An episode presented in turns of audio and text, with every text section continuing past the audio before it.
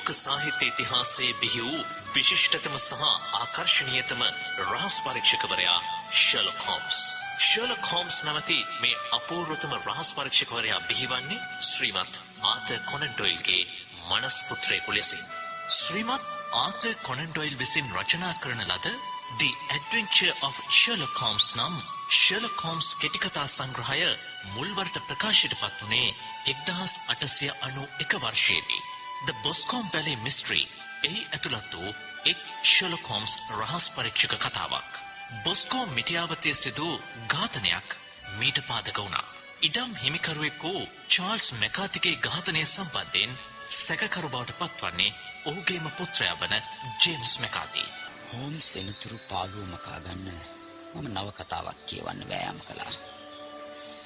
එත් දුර්වල කතාවස්තුවක් යොදාගත් එනාව කතාව මගේ සිත් ඇද ගන්න සමත් වුණේ නැහැ. මම තරුණ මැකාති ගැන හිතන්න පටන් ගත්තා. මේ තරුණයා කියන කතාව ඇත්තනම් ඔහු තාත්තා එක්ක දබර වෙලා ගිහින් කෑ ගහිල්ලා හිලා ආපහු එන අතරතුර මොකද්ද සිද්ධ වුනේ? මං ප්‍රාදේශීය පත්තරේ තිබුණු විස්තර කියෙව්වා. තුවාලවල ස්වභාවය අනුව වෛද්‍ය විද්‍යාව පිළිබඳ මගේ දැනුම අනුව මොනවද එළඹෙන්න පුළුවන් නිගමන. ශල්්‍ය වෛද්‍යවරයා සඳහන් කරලා තිබුණු විදිහට වම් තුඩ්ඩිය අස්තියේ පසුපස තුනෙන් කොටසත් අපර කපාල අස්තියේ වම් අර්ධයත් උඩු පට්ටම් වෙලා තිබුණා. මොට ආයුධයකින් කළ පහරදීමකින්. මම මගේ හිසේ ඒ කොටසට අත තියලා බැලුවා. පැහැදිලිවම එහෙම පහරක් ගහන්න පුළුවන් වෙන්නේ පිටිපස්සෙන්. ඒක විත්තිකරුගේ වාසියට හේතු වෙන කරුණක් ඔවුන් දබරුණේ මූණට මූණ ලාගෙන නිසා. ඒත් පහර වදින විට මහලු මැකාති ඔළුව හරවන්න ඉඩ තියෙනවා. කෝකටත් මේක හෝම්ස්ගේ අවධානයට යොමු කරන්න ඕනේ. ඊළඟට රැට් කියන වචනය. මොකද්ද ඒකේ තේරුම? ඒක සිහිමුලාවෙන් කළ දෙඩවිල්ලක් වෙන්න බෑ. හදිසි පහර දීමකින් මැරෙන කෙනෙක් සිහිමුලාවටපත් වෙන්නේ නැහැ. මං හිතන්නේ ඒක Tamanපත් වුණු ඉරණම පහදා දීමට වෑයම් කිරීමක්. ඒත් මොකද්ද ඒකෙන් කියන්න හදන්නේ? අනික තරුණ මැකාති දැකපු දුඹුරු පාට රෙද්ද. එහෙමනම් මිනි මරුවගේ කබාය වගේ දෙයක් දුවද්දි බිම වැටෙන්නේ නැති. ආපහු ඇවිත් ඒක අරන් යන්න තරම් ඔහු හිතේ හයියක් තියෙන පුද්ගලයෙක් වෙන්න ඕනේ. තරුණ මැකාති තමාට පිටුපස හරවලා තමන්ගේ තාත්තා ළඟ දන ගහගනිද්දි. ඌ යාර 12ක් පමණ දුරින් තිබුණ මේ රෙද්ද අරන් පැනලා දුවන්නේ නැති.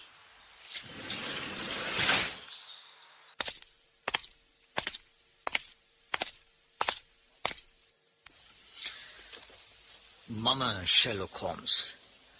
මිස් ටර්නගේ ඉල්ලීම අනුව ඔබ වෙනුවෙන් යමක් කරන්න පුළුවන්ද කියලා බලන්නයි මං ආවේ. බොහෝම කඩවසම් තරුණයෙක්. මම ඔබ ගැන අහලා තියෙනවා. කිසිම දෙයක් වසන් නොකර ඔබ දන්න හැම දෙයක්ම මට කියන්න. හොඳයි. ඔබ මේ මිනී මැරුම කළ පුද්ගලයා කවුද කියලා දැනගෙන කිසියම් හේතුවක් නිසා ඒ කවුද කියලා හෙළිදරව් නොකර ඉන්නවද? නැහැ. හොඳයි. අනික් කාරණය මං මිස්ටර් නව දැක්කා. ඇහෝනම තරුණයෙකුගේ සිත් ඇදගන්න සමත් කාන්තාවක්. ඒ වගේම විශාල ධනයකට හිමිකාරියක්. ඉතින් ඇයි ඔබ ඇව විවාහ කරගන්න අකමැති වුණේ? ඔබ හිතේ ඈ කෙරෙහි කිසිම ඇල්මක් නැද්ද? මම යට මුළු හදවතින් මාතරේ. හේත් අවුරුදු දෙකකට කලින් මට හය හතර නොතේරෙන කාලේ ඔව් මොකද උනේ? අපි පොඩි කාලයකට සෙල්ලම් කළා. ඒත් අපි ගැටවර වයසට එනුවත් එක්කම ඇය කමින් පිට වෙලා නගරයට ගියා වැඩිදුර ඉගෙන ගන්න. ඒ කාලේ මට හැව දකින්නවත් ලැබුණේ නැහැ. ඒ කාලේ තමයි ඒ කාලේ මම බ්‍රිස්ටල් වල අවන්හල් සේවිකාවකට රැවටිලා ඇය එක්ක විවාහ වුණා. වෙන කවුද මේ ගැන දන්නේ? කිසිම කෙනෙක් දන්නේ නැහැ. ඉතින් ඇලිස්ට විවාහ යෝජනා කරන්න තාත්තා මට බල කරද්දී මං අත් දෙක අහසට දික් කළා. මට බෑ දෙයියනේ කියලා කිව්වේ ඒකයි. මට යන්න එන්න තැනක් නැහැ. රස්සාවක් නැහැ. මං ඇත්ත කිව්වනම් තාත්තා මාව ගෙදරින් දුට්ට දානවා. මං ඒ දවස් තුන බ්‍රිස්ටල් වල ගත කළේ ඒ අවන්හල් සේවිකාව එක්ක. එහෙනම් ඔබට එක පැත්තකින්වත් ගැලවීමක් නැහැ. මට සැනසීමට එක හේතුවක් තියෙනවා. මට වෙලා තියෙන කරදරේ ගැන පත්තරේ දැකලා ඈ මට ලියුමක් එවලා තියෙනවා.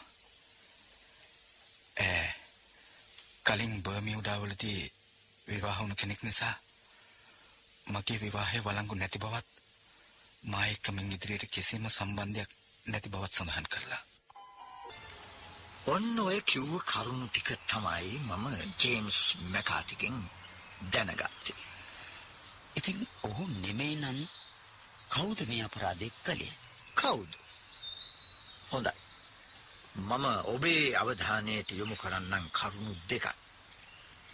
එක මියගිය අය විල අසලදී කෙනෙක්ව හමු වෙන්න කතා කරගත්තා. ඒ ඔහුගේ පුතා වෙන්න බෑ. පුතා හිටියේ බ්‍රිස්ටල් වල. ඔහු ආපහු එන දවසක් පියා දැනගෙන හිටියේ නැහැ. මොකද්ද දෙවෙනි කාරණාව? දෙවැනි එක මියගේ අය කූයි කියන හඬ නැගුවේ පුතා ආපහු නාවගක් නොදැන්. ඔය කාරණා දෙක අනුව තමයි නිවැරදි විසඳුම හොයාගන්න වෙන්නේ.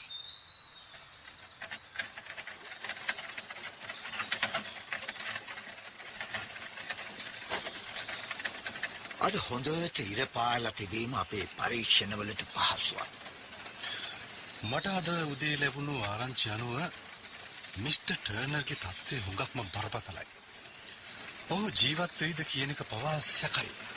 මං හිතන්නේ හුඟක් වයස ඇති. වයස 60යි. ඒත් ඕස්ට්‍රේලියාවේ ගත කරපු දුෂ්කර ජීවිතය නිසා ඔහුගේ ශරීර ශක්තිය පිරිහිලා ඔහු කලක් තිස්සේ හිටියේ ලෙඩගා. ඔව්. රත්තරන් ආකරවල වැඩ හරීම වෙහෙස කරයි. මේ සිද්ධියත් ඔහුගේ සෞඛ්‍යයට තදින් බලපෑවා. ඔහු මැකාතිගේ පරණ මිත්‍රෙක්. ඒ වගේම ඔහු මැකාතිට හුඟක් උදව් කරලා තියෙනවා. මිස්ටර් ටර්නර් හැදලි ගොවිපොළ දීලා තියෙන්නේ කුලියක් නොගින. ඒකත් එහෙමද. ඔව්. Tamanට පුළුවන් හැම පැත්තෙන්ම මිස්ටර් ටර්නර් මිස්ටර් මැකාතිට උදව් කරලා තියෙනවා. හැමෝම ඒ ගැන කතා වෙනවා.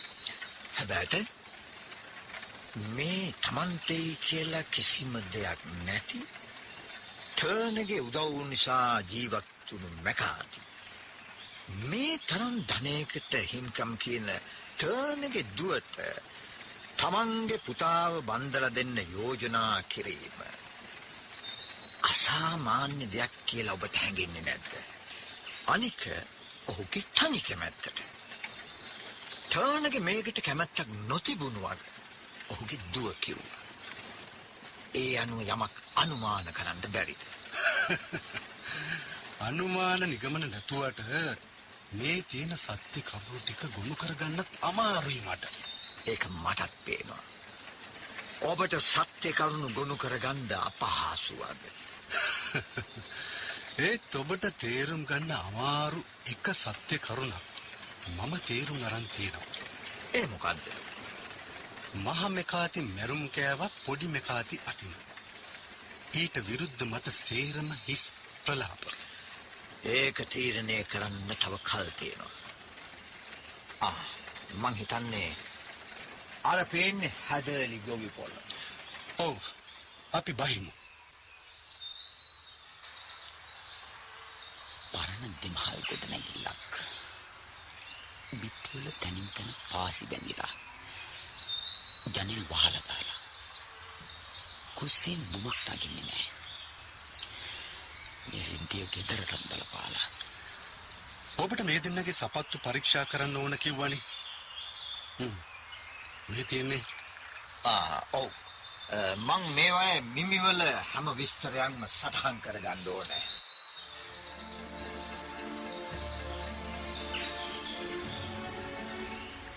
හරි. අපි ඔය අඩිපාර දිගේ හෙමින් හෙමින් ඉදිරියටම යමු. ආ, ඔව්. හෝම්ස් ඉක්මනින් අපට එකතු වෙයි. මේ පළාතේ අනිත් තැන් වගේම මේ හරියත් තරමක් දුරට තෙත වගුරු බිමක්.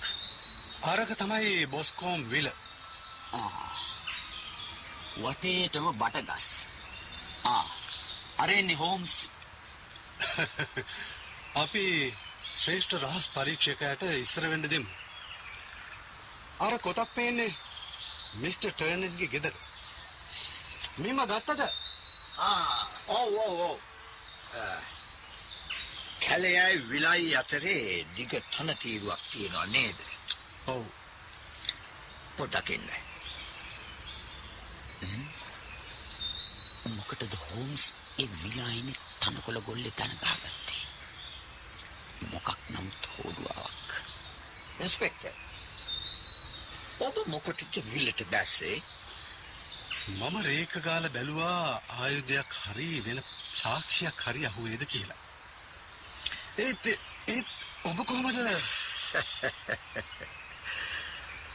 ඔය ඔබේ අතුලට ඇඹරුණු වං කකුලේ සටහන් අවට හැම තැනම තියෙනවා.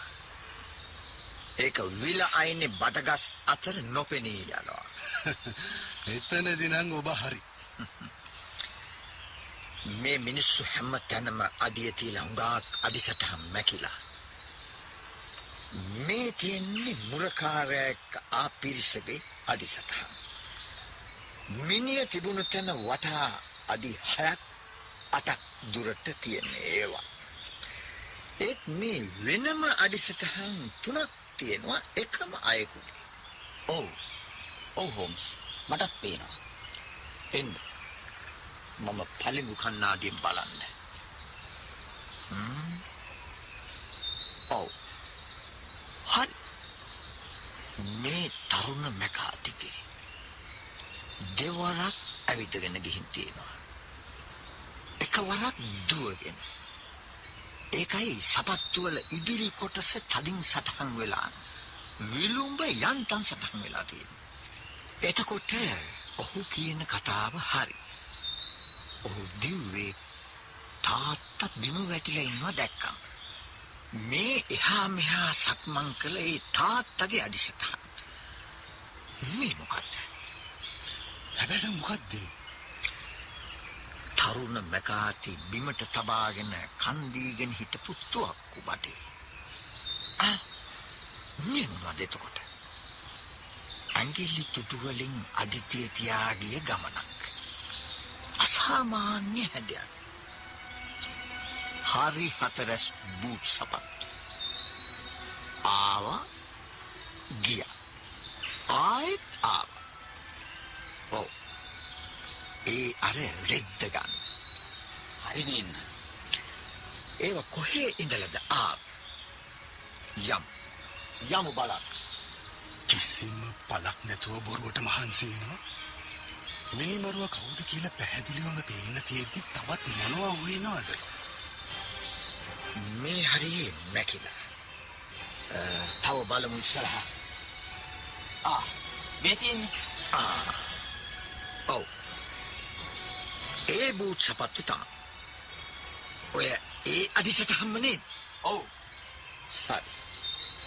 එතකොට මේ කැලේ අද්දර බීට් ගහ යටටයි අවිත් තියෙන්නේ. ඔහොම ඉන්න. වටේටම රෙවණ දෙන විශාල ගහක්. ඒ පාර හෝම්ස් දූවිලි වගේ දෙයක් කවර එකට දාගන්නවා. පිස්සු පිස්සු. ඒ පාර අර තනකොළ ගොල්ලේ තිබුණු කඩතුළු ගලක් අරන් සාක්කු විදාගත්තා. ආ ආපහු හැරෙමු. මෙතනින් එහාට මොකවත් නැහැ. මං හිතන්නේ අරක වෙන්න ඇති මුරකාරයාගේ ගේ. මං ගිහින් මිනිහත් එක්ක වචනයක් කතා කරලා එන්නම්. භාගෙ විට ලියුම් කෑල්ලක් ලියන්නත් වෙයි.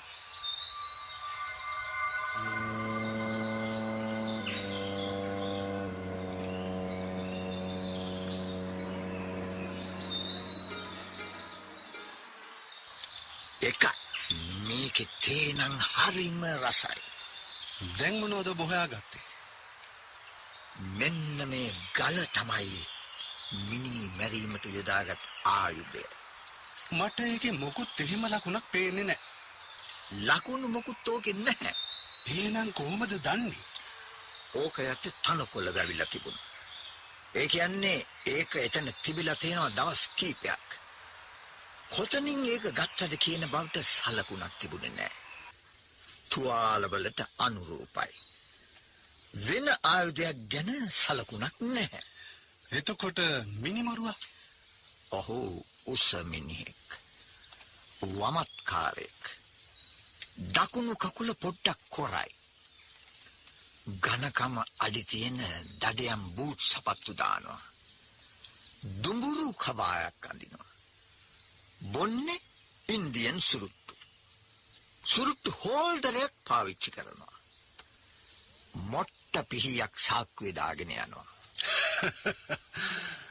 ඒත් මට ඔය කතාව විශ්වාස කරන්න අමාරුයි.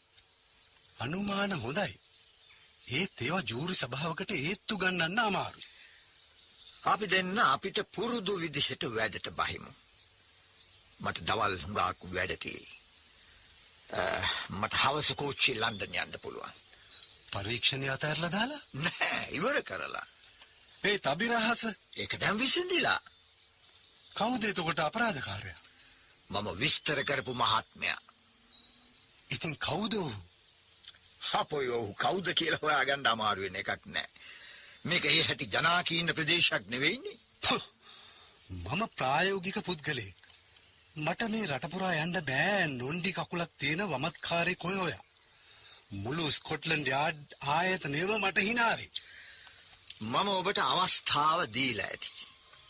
එහෙනම් මට අවසර. යන්න කලින් පොඩි ඔත්තුවක් දෙන්නම්.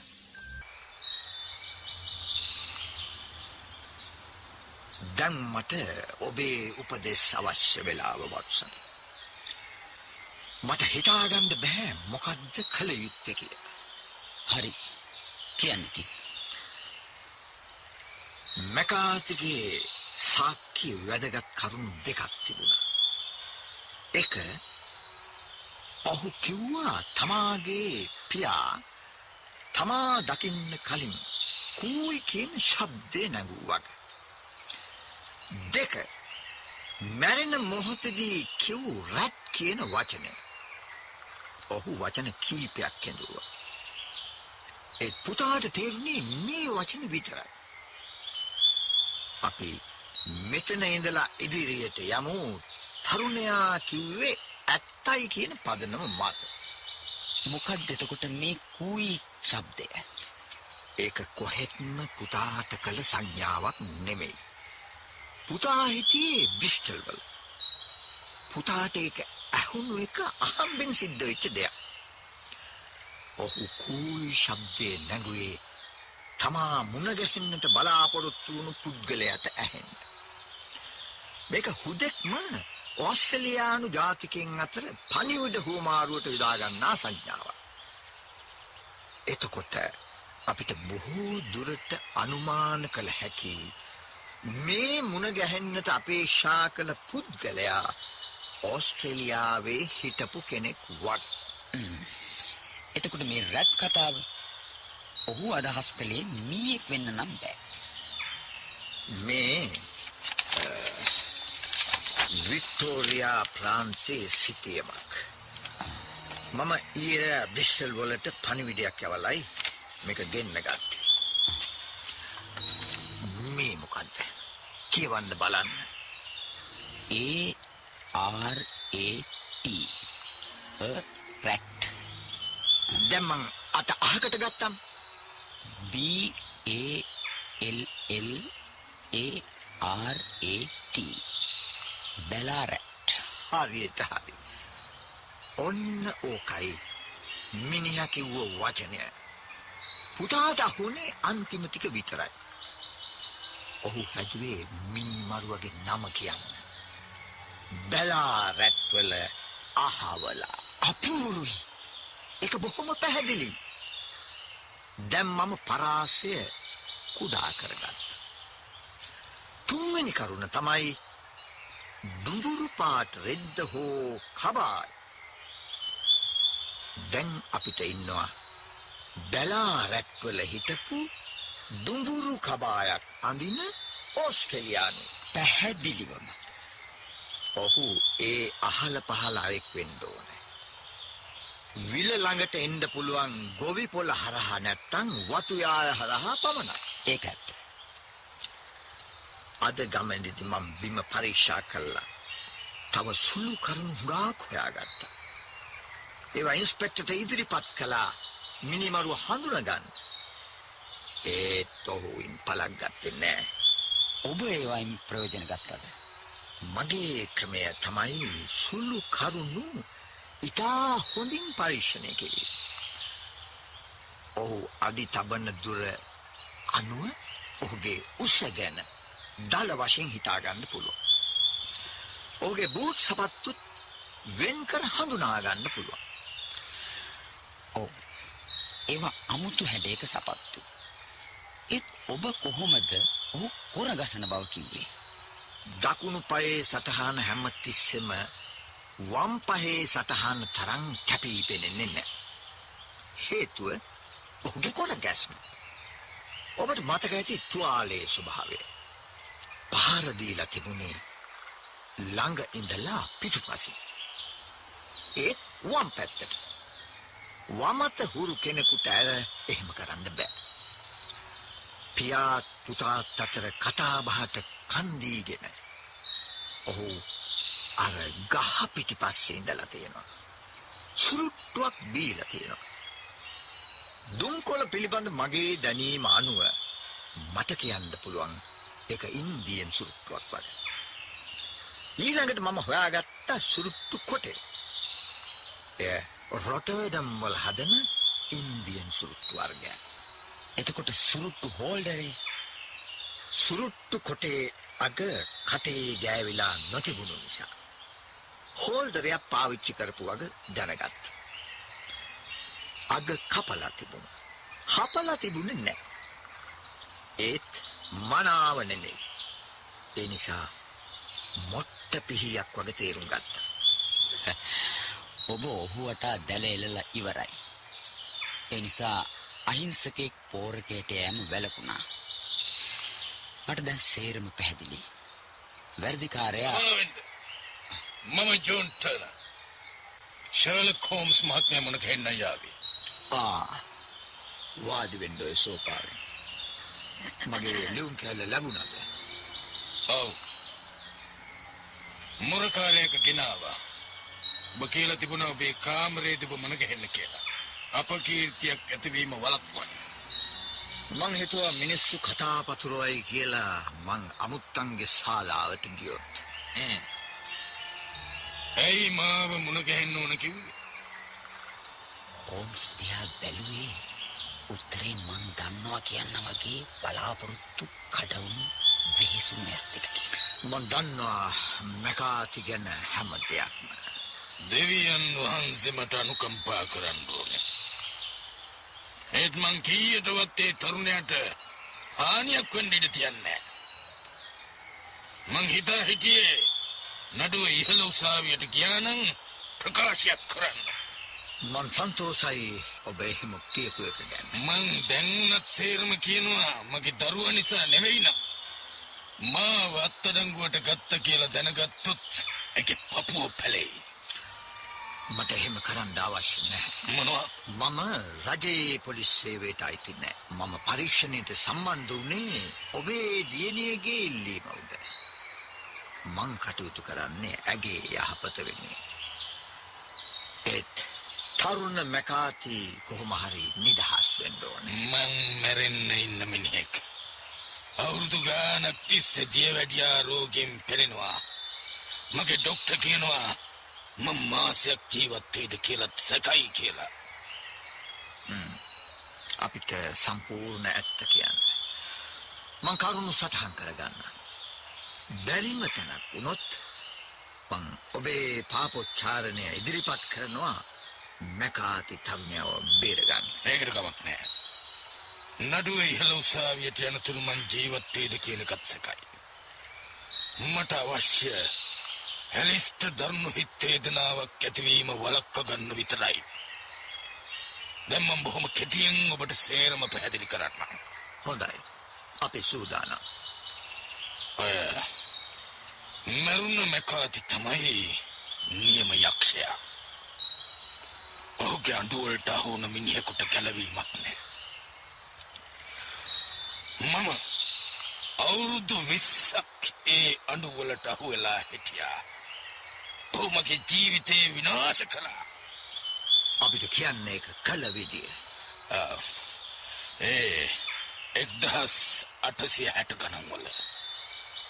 මම තරුණයි. හිතුවක්කාරයි. ඒ වගේම දරුණුයි. ඕන එකකට ලැහැත්ති. නරක ආශ්‍රයට වැටිලා බොන්න පටන් ගත්තා. ආකර වලින් කිසිම දෙයක් ලැබුණේ නැහැ. මං කැලෑ වැදුනා. මං කුල කන්න පටන් ගත්තා. අපේ කල්ලියේ හය දෙනෙක්. අපි තනින් තන ගිහින් මං කොල්ල කෑවා. මට කිව්වේ බල රැට්ටුල බ්ලැක් ජැක් කියලා. අපේ කට්ටියට බලාරැට් කල්ලිය කියලා නම දාලා තිබුණේ. අපිට කියන්න මැකාති මුණ ගැහුණු හැටි. දවසක් රත්තරන් පටෝපු කරත්ත තුකයක් බැලෑරැත් ඉඳලා මෙල්බෝන් වලට ආවා. අපි රැකලා ඉඳලා පහර දුන්නා. බටයෝ හය දෙනයි. අපි හය දෙනයි. සමාන සටනක්. අපි ඒ හතර දෙනෙක්ම පළමු වෙඩි පහරින්ම මරා දැම්මා. අපි රත්තරන් තුකේ අයිති කරගන්න කලින් අපේ තුන් දෙනෙකුත් මලා. එතකොට මැකාති කොහෙද හිටියේ? ඔහු තමා අශ්ව කරත්තේ පදවගෙනාවේ. මං පිස්තෝලෙ ඔහුගේ ඔළුවට තිබ්බා. දෙයනේ ඔහුව මැරුවනන් කියලා මට සිය දහස් වාරයක් හිතුණා. ඒත් මම එවලේ ඔහුට ජීවිත දානි දුන්නා. අපි රත්තරම් විකුණලා පෝසත් වුණා. පස්සේ මම නරක යාළුවන්ගෙන් ඈත් වෙලා එංගලන්තයට ඇවිත් හොඳ මිනිහෙක් වුණා. සෙනගේ වැඩිපුර නොගැවසෙන්න මේ පිටිසර පළාතේ ඉඩකඩම් අරගෙන පදිංචි වුණා. යහපත්තේට මුදල් වියදම් කළා. මගේ බිරින්දා කාලේ මලත් මට හොරු බොහොටේ පුංචි ඇලිස්ව තියලා ගියා. ආ ඔය කාලෙදි තමයි දවසක් ව්‍යාපාරික කටයුත්තකට ගිය වෙලාවේ රේජන්ට් වීදියේදී මැකාති මුණ ගැහුණා.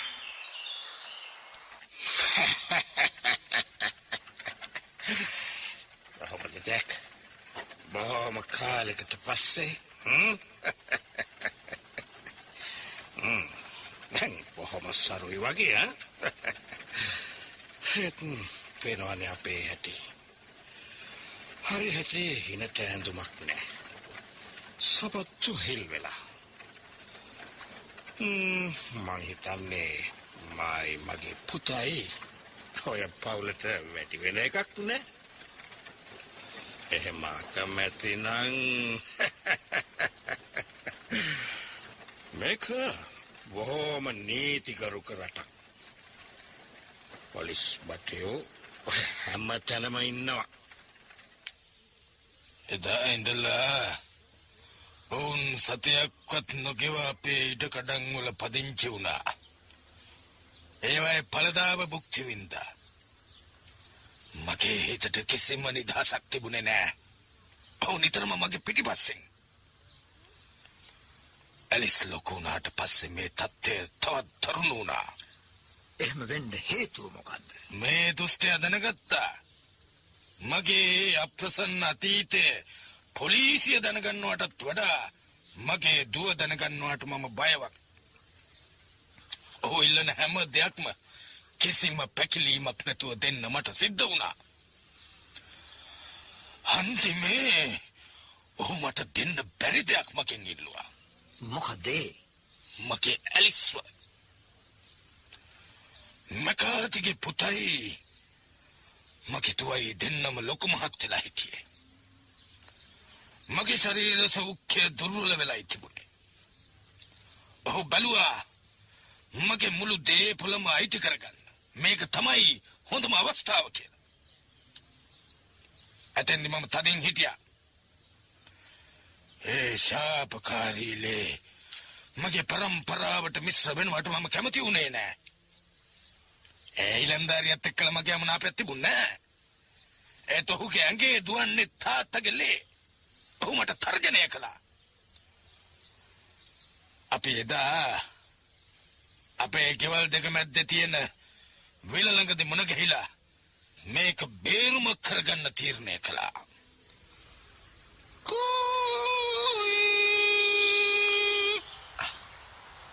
තාත්තා මිලදිහාවනේ සත්‍යාවේ. ඒත් මං බිස්ටර් ඉඳලා ආවගේ තාත්තා දන්නේ නෑනේ පුදුම වැඩක්. අර ඉන්නේ එහාට මෙහාට ඇවිත් ඇවිත්.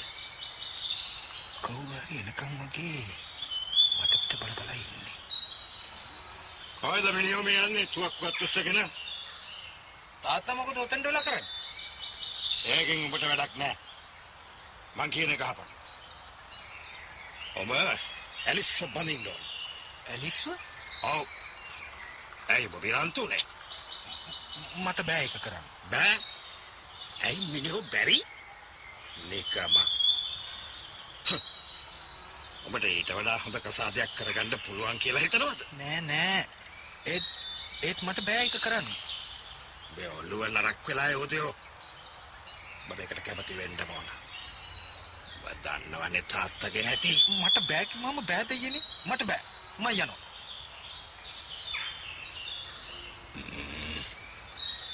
මේක මේක මගේ දුව බලින්ද කියලා පුතාට බල කරන්නේ. මගේ දරුවා වෙසඟනක් ගන්නට අරගෙන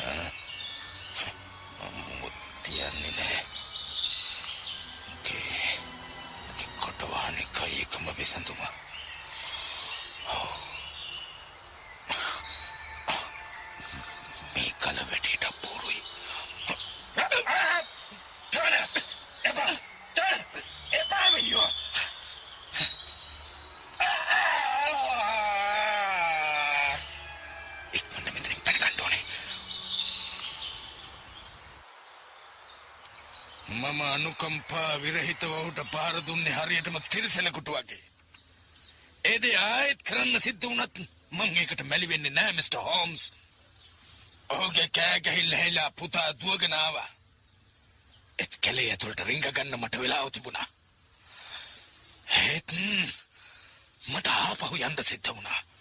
මගේ කබාය අහුලගෙන ඉන්න. ඔන්න ඕකයි සම්පූර්ණ සිද්ධිය. හොඳයි. මෙතන අස්සම් කරන්න.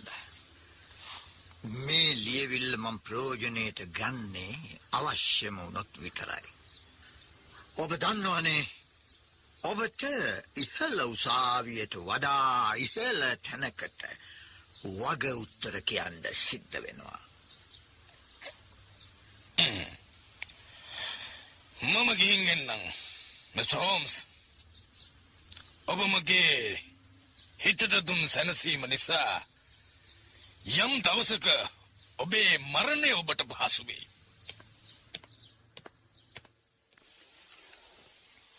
හෝම්ස් විත්තිය නීතිඥාට සැපයූ කරුණු මත ඔහු ඉදිරිපත් කළ විරෝධතා සැලකිල්ලටගෙන ජේම්ස් මැකාති පහළ උසාවියේදීම නිදහස් කරනු ලැබුවා. මහලු ටර්න ඉන් මාස හතකට පසුව මිය ගියා. ඒ අතීතයේ කළු වලාව ගැන නොදත් තරුණ දුවත් පුතත් අනාගතයේ සැපවත් යුගදිවියක් ගෙවීමට හැම අතින්ම ඉඩ තිබෙනවා.